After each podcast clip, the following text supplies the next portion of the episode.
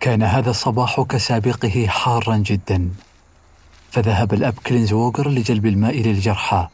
كان معه قنينة وإبريق شاي. استعاره ممن كان هناك. سمع أن بإمكانه أن يجد بعض الماء الصالح للشرب من صنبور خارج منتزه أسانو. فمضى مخترقا الحدائق الصخرية. متسلقا حينا وزاحفا أخرى بين جذوع أشجار الصنوبر المتهاوية ووجد نفسه أثناء ذلك واهن القوى. كان هناك العديد من القتلى في الحدائق وأثناء مروره على جسر مقوس أنيق وجد امرأة عارية لا تزال حية. كانت قد احترقت بالكامل من رأسها إلى أخمص قدميها.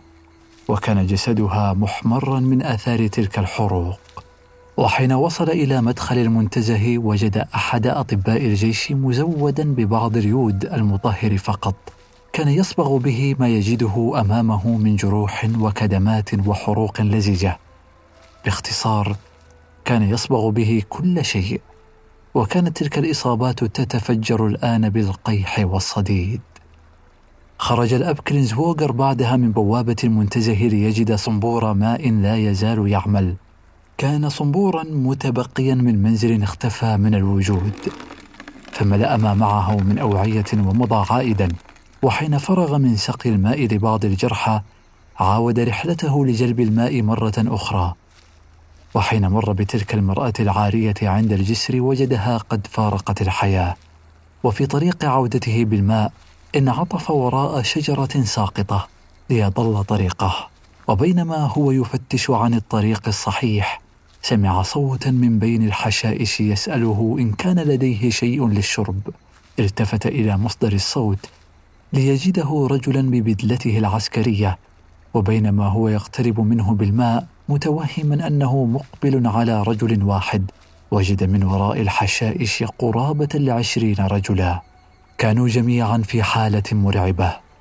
لقد كان مشهدا كفيلا بإثارة الكوابيس لمن يشاهدها. فوجوههم جميعا كانت محترقة بشكل كامل وكانت محاجر عيونهم فارغة.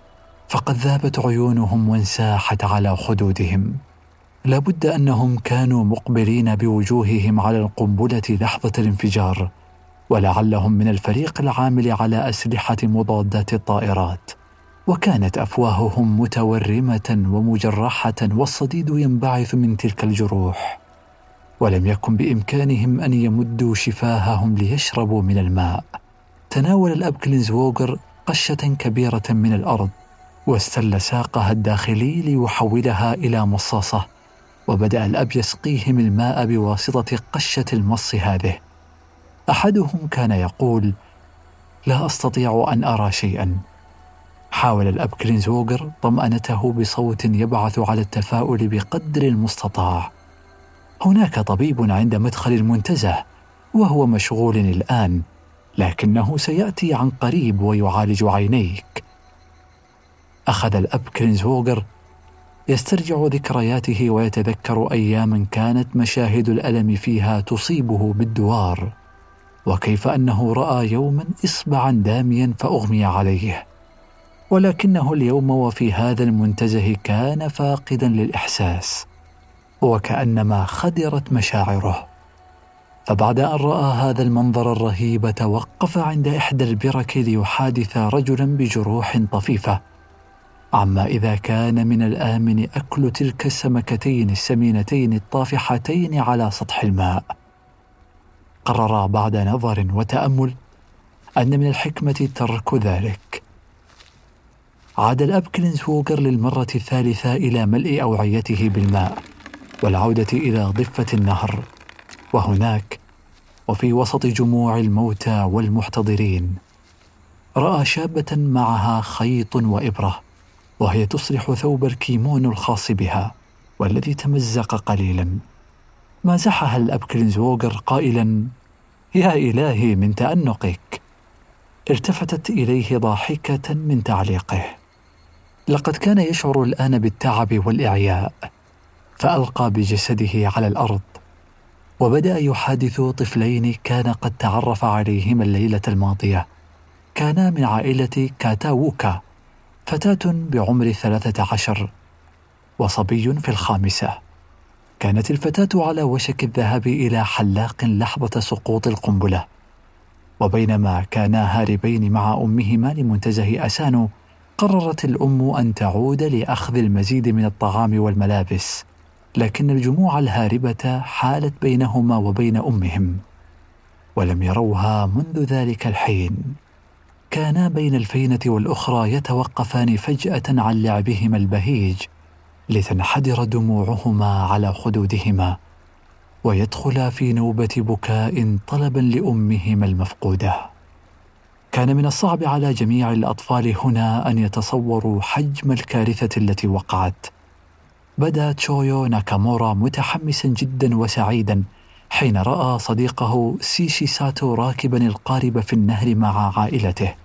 فركض إلى الشاطئ وأخذ يلوح له ويصرخ ساتو! ساتو! أدار الصبي رأسه متسائلا. من هذا؟ ليجيبه صاحبه ناكامورا. وليرد عليه. أهلا تشويو هل أنت بأمان؟ نعم. وماذا عنك؟ نعم نحن على ما يرام. أخواتي يتقيؤون لكننا بخير. بدأ العطش يسري للأب كلينزوغر في هذا الجو الخانق. لكنه لم يشعر أن لديه القوة الكافية للذهاب لجلب الماء مرة أخرى. وقبل دخول الظهيرة بقليل رأى امرأة يابانية توزع شيئا على الموجودين. وسرعان ما جاءت إليه وقالت له بصوت لطيف هذه بعض أوراق الشاي. امضغها أيها الشاب ولن تشعر بالعطش. كان راغبا لحظتها في البكاء مما رآه من رقة تلك المرأة ورحمتها.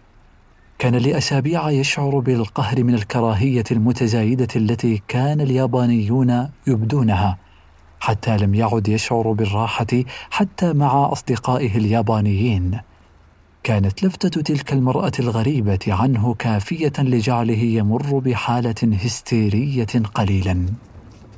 ومع مجيء الظهيرة وصل القساوسة للمنتزه ومعهم عربة.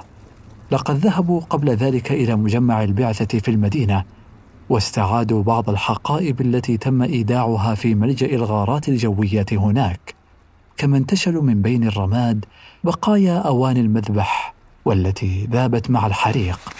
وضعوا حقيبة الأب كلينزوغر في العربة مع أغراض السيدة موراتا والسيدة ناكامورا ثم جعلوا بنات عائلة ناكامورا من فوق الأغراض واستعدوا للمغادرة. تذكر أحد اليسوعيين أمرا يخص ما هم فيه. تذكر أنه تم إبلاغهم سابقا بأنه في حال تعرضت ممتلكاتهم لأي عطب بسبب العدو فلهم الحق في المطالبة بتعويض مادي من شرطة المحافظة. تباحثوا الموضوع هناك في المنتزه والجرحى محدقين بهم صامتين كالأموات وقرروا أن يتولى الأب كلينزوغر مهمة المطالبة بالتعويض.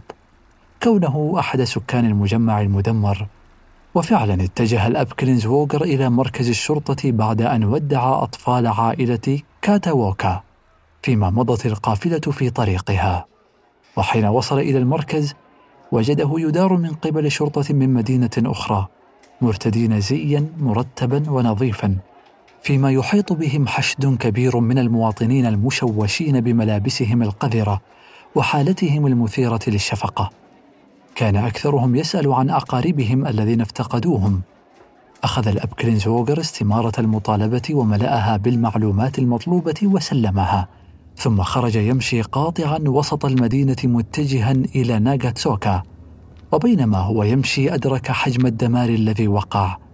فقد كان يجتاز خاربة ليمر على أخرى ومع كل ما رآه في المنتزه من قبل فما رآه اليوم كان كافيا أن يسرق أنفاسه وحين وصل إلى الدير كان مرهقا تماما وكان آخر شيء فعله قبل أن يسقط على فراشه طلبه أن يعود أحدهم لأخذ أطفال كاتاووكا الذين فقدوا أمهم من المنتزه. ظلت الآنسة سساكي ليومين وليلتين تحت ذلك السقف المعدني بساقها المسحوقة ورفقتها غير السارة. ومن غير أن يجيء أحد لمساعدتهما. مصدر الإلهاء الوحيد كان لحظة قدوم عدد من الرجال لملجأ المصنع. كانت تنظر إليهم من زاوية ملجئها الخاص وهم يستخرجون بعض الجثث بواسطة بعض الحبال. نظرت إلى ساقها فرأت أنها أضحت منتفخة متغيرة اللون وتصدر منها رائحة كريهة. مضى عليها الوقت هناك دون طعام أو ماء. وفي اليوم الثالث الثامن من أغسطس أقبل بعض الأصدقاء على المصنع متوهمين أنها قد ماتت بحثا عن جثتها ليجدوها حية ترزق. أخبروها بأن والدتها ووالدها وشقيقها الصغير كانوا بمستشفى تامورا للأطفال لحظة انفجار القنبلة وأنهم بالتأكيد قد قتلوا جميعا فقد دمر المستشفى تماما. تركها أصدقاؤها قليلا لتستوعب الخبر الذي نزل عليها للتو. وفي وقت لاحق حملها بعض الرجال من ذراعيها وساقيها لمسافة بعيدة ليضعوها في شاحنة بعد ذلك. انطلقت الشاحنة في طريق وعرة لمدة ساعة. واكتشفت الآنسة ساساكي في ذلك الطريق أنها كانت واهمة حين ظنت أنها فقدت الإحساس بالألم فها هي تحس بوقعه الآن. وحين توقفت الشاحنة رفعها الرجال وحملوها إلى محطة إغاثة في مقاطعة إنوكوتشي حيث فحصها طبيبان عسكريان هناك. وفي اللحظة التي لمس أحدهما جرحها أغمي عليها. استعادت وعيها لتجدهما يتحدثان في شأنها وإن كان يتعين عليهما قطع ساقها أو لا. أحدهما كان يقول بأنها مصابة بغرغرينا غازية. وأنهما إن لم يبتر الساق فستموت حتما. قال الطبيب الآخر يبدو هذا مؤسفا إذ لم يملك الأدوات اللازمة لإجراء العملية. أغمي عليها مرة أخرى وحين استيقظت هذه المرة كانت محمولة على نقالة ويتم نقلها لمكان آخر. وضعت على متن سفينة ذهبت بها إلى جزيرة قريبة تعرف بنينوشيما. وعلى الجزيرة تم نقلها إلى مستشفى عسكري واقع على تلك الجزيرة وهناك فحصها طبيب آخر ليبشرها أنها لا تعاني من الغرغرين الغازية وإن كانت تعاني من كسور مضاعفة شنيعة إلى حد ما. قال لها بلغة لا تخلو من البرود بأنه آسف لكن يتحتم عليها العودة إلى هيروشيما في تلك الليلة إذ كان هذا المستشفى مخصصا للعمليات الجراحية فقط وأنها كانت في عافية من الغرغرينة. ولكن ما شاهده على الترمومتر حين فحص درجة حرارتها جعله يقرر السماح لها بالبقاء. في ذات اليوم الثامن من أغسطس ذهب الأب شيسليك إلى المدينة بحثا عن السيد فوكاي سكرتير الأبرشية. الذي خرج من المدينة المحترقة على ظهر الأب كلينزوغر ليعود إليها ركضا في نوبة جنون. بدأ الأب شيسليك رحلة البحث في حي جسر ساكاي حيث كان آخر عهدهم به. ليذهب بعدها إلى ميدان الشرق والذي كان منطقة إخلاء. فمن المحتمل أن الرجل قد ذهب إليها محتميا بها. بحث عنه بين الجرحى والقتلى ولم يجده. فذهب إلى شرطة المحافظة وقيد بلاغا عنه. لم يكن بوسعه أن يجد اثرا للرجل. أما في دير الرهبان فقد أخبر طالب البعثة والذي كان يسكن مع السيد فوكاي في نفس الغرفة بقية القساوسة بأن السيد فوكاي حدثه مرة أثناء إنذار من غارة جوية غير بعيدة بأن اليابان تموت وأنه إن وقعت غارة جوية هنا في هيروشيما فإني أرغب أن أموت مع بلدي. توصل القساوسة إلى قناعة بأن السيد فوكاي إنما ركض عائدا ليضحي بنفسه في تلك النيران الملتهبة. لقد كان ذلك آخر العهد به. في مستشفى الصليب الأحمر كان الدكتور ساساكي مستمرا في العمل لثلاثة أيام متواصلة باستثناء ساعة واحدة فقط قضاها في النوم. كان في يومه الثاني مشغولا بخياطة الجروح السيئة وظل كذلك طيلة الليل. وحتى صباح اليوم التالي لقد كانت كثير من تلك الجراح متقرحة ولكن لحسن الحظ وجد أحدهم كمية لم تمس من أحد المسكنات اليابانية التي تسمى نارو كوبون. فكان الطبيب يعطي ذلك المسكن لعدد من المرضى لتخفيف آلامهم. كان العاملون في المستشفى يتداولون فيما بينهم أن شيئا غريبا يميز هذه القنبلة العظيمة عن غيرها. فقد ذهب نائب رئيس المستشفى في اليوم الثاني إلى قبو المستشفى حيث كانت تخزن ألواح الأشعة السينية ليجدها جميعا تالفة بعد تعرضها لإشعاع وهي مستقرة في مكانها. في ذلك اليوم حظي المستشفى بطبيب جديد وعشر ممرضات من مدينة ياماغوتشي مصطحبين معهم مضادات ومطهرات إضافية وفي اليوم الثالث جاء طبيب آخر وعدد من الممرضات من ماتسو لكن العدد لم يكن كافيا حيث كان هناك ثمانية أطباء فقط لمعالجة أكثر من عشرة آلاف مريض. ومع مجيء اليوم الثالث أصبح الدكتور ساساكي منهكا تماما من عمليات الخياطة الرديئة التي يقوم بها. وظلت فكرة أن والدته تظن أنه ميت تلح عليه حتى صار مهووسا بها. حصل على إذن بالذهاب إلى موكاياهارا وفعلا خرج من الضواحي القريبة ومنها انطلق بخدمة قطار كهربائي لا زال يعمل حتى وصل إلى منزله في وقت متأخر من ذلك المساء. وهناك أخبرته والدته بأنها كانت تعرف أنه بخير طيلة الوقت فقد زارتها إحدى الممرضات ممن أصبن وبشرتها بذلك. ذهب إلى سريره وغط في نوم عميق لسبع عشرة ساعة متواصلة. قبل فجر يوم الثامن من أغسطس دخل أحدهم غرفة الدير حيث كان يرقد الاب كلينزوغر في السرير. ورفع يده إلى مصباح كهربائي معلق وقام بتشغيله. سيل النور المفاجئ الذي انسكب على الأب كلينزوغر وهو نصف نائم أفزعه وجعله يقفز من سريره ويتخذ وضعية الاستعداد لهزة جديدة. وعندما أدرك ما حدث ضحك بارتباك وعاد إلى السرير ليمكث فيه طوال اليوم. لقد كان مرهقا وظل كذلك طيلة اليوم التالي التاسع من أغسطس. زاره رئيس الدير ونظر في جراحه وقال له بأنها لم تكن بحاجة لتضميد حتى وأنه إن أبقاها نظيفة فستلتئم في غضون ثلاثة أو أربعة أيام. كان الأب كلينزوغر يشعر بعدم الارتياح وكان غير قادر على استيعاب ما جرى له وكأنه كان مسؤولا عن شيء فظيع وشعر أنه يتعين عليه العودة مرة أخرى إلى مسرح العنف الذي عانى فيه. نهض من سريره ومشى إلى المدينة وهناك ظل ينقب في بقايا منزل البعثة لبعض الوقت ولكنه لم يجد شيئا. ذهب بعدها إلى عدة مدارس وسأل عن أناس كان يعرفهم كما بحث عن عدد من اليابانيين الكاثوليك ولكنه لم يجد إلا بقايا بيوت متهدمة وعاد أدراجه إلى الدير مصدوما مما رأى. ومن غير فهم جديد لما جرى.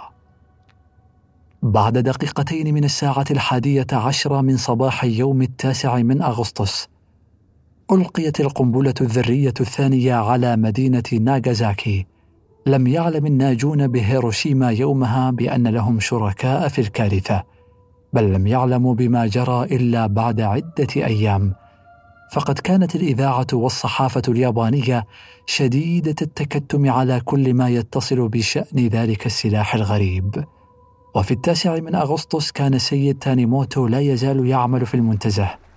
ذهب إلى ضاحية أوشيدا حيث كانت زوجته تقيم مع بعض الأصدقاء واصطحب معه عائدا منها خيمة كان قد خزنها هناك قبل الانفجار. وحين وصل للمنتزه قام بنصب تلك الخيمة. وهيأها كملجأ لبعض الجرحى ممن كان عاجزا عن التحرك أو يتعذر نقلهم من المكان. ومع كل خطوة كان يخطوها في المنتزه أو عمل يعمله كان يشعر بنظرات جارته السابقة السيدة كامي الفتاة البالغة من العمر عشرين عاما تلاحقه. وهي الفتاة التي رآها يوم انفجار القنبلة حاملة ابنتها الرضيعة بين يديها ظلت متشبثة بتلك الجثة الصغيرة في ذراعيها لمدة أربعة أيام بالرغم من الرائحة الكريهة التي كانت تنبعث منها في اليوم الثاني. جلس السيد تانيموتو معها لبعض الوقت لتخبره بقصتها وكيف أن القنبلة دفنتها تحت المنزل وأن طفلتها كانت مشدودة إلى ظهرها وأنها حين استطاعت أن تحرر نفسها بالحفر اكتشفت أن الطفلة كانت تختنق وأن فمها كان مليئا بالتراب وكيف أنها بادرت إلى تنظيف فم الصغيرة بعناية بإصبعها الصغير لتعاود التنفس مجددا على نحو طبيعي. وبدا كل شيء مطمئنا لكنها فجأة توقفت عن التنفس وماتت. تحدثت أيضا عن زوجها بثناء عطر وكيف أنه رجل طيب وألحت عليه ثانية للبحث عنه. كان السيد تانيموتو قد تنقل في مختلف أرجاء المدينة في اليوم الأول وراى الإصابات والحروق البشعة التي لحقت بالجنود في المركز الذي كان كامي يتبعه. وفي كل مكان أيضا كان يعلم أن العثور على الزوج ضرب من الخيال حتى لو كان حيا لكنه بطبيعة الحال لم يصارحها بما كان يجيش في خاطره. ظلت في كل مرة ترى فيها السيده تانيموتو تسأله إن كان قد وجد زوجها بعد أم لا. حاول لمرة واحدة أن يشير عليها بأنه ربما حان الوقت لحرق جثمان الطفلة لكن السيدة كاماي تشبثت بها أكثر. وضمتها إلى صدرها بإحكام وحاول أن يبعد نفسه عنها. لكن في كل مرة تلتقي فيها عيونهما كان يجد فيهما ذات السؤال هل وجدت زوجي؟ حاول أن يتجنب نظراتها بتوليتها ظهره قدر المستطاع.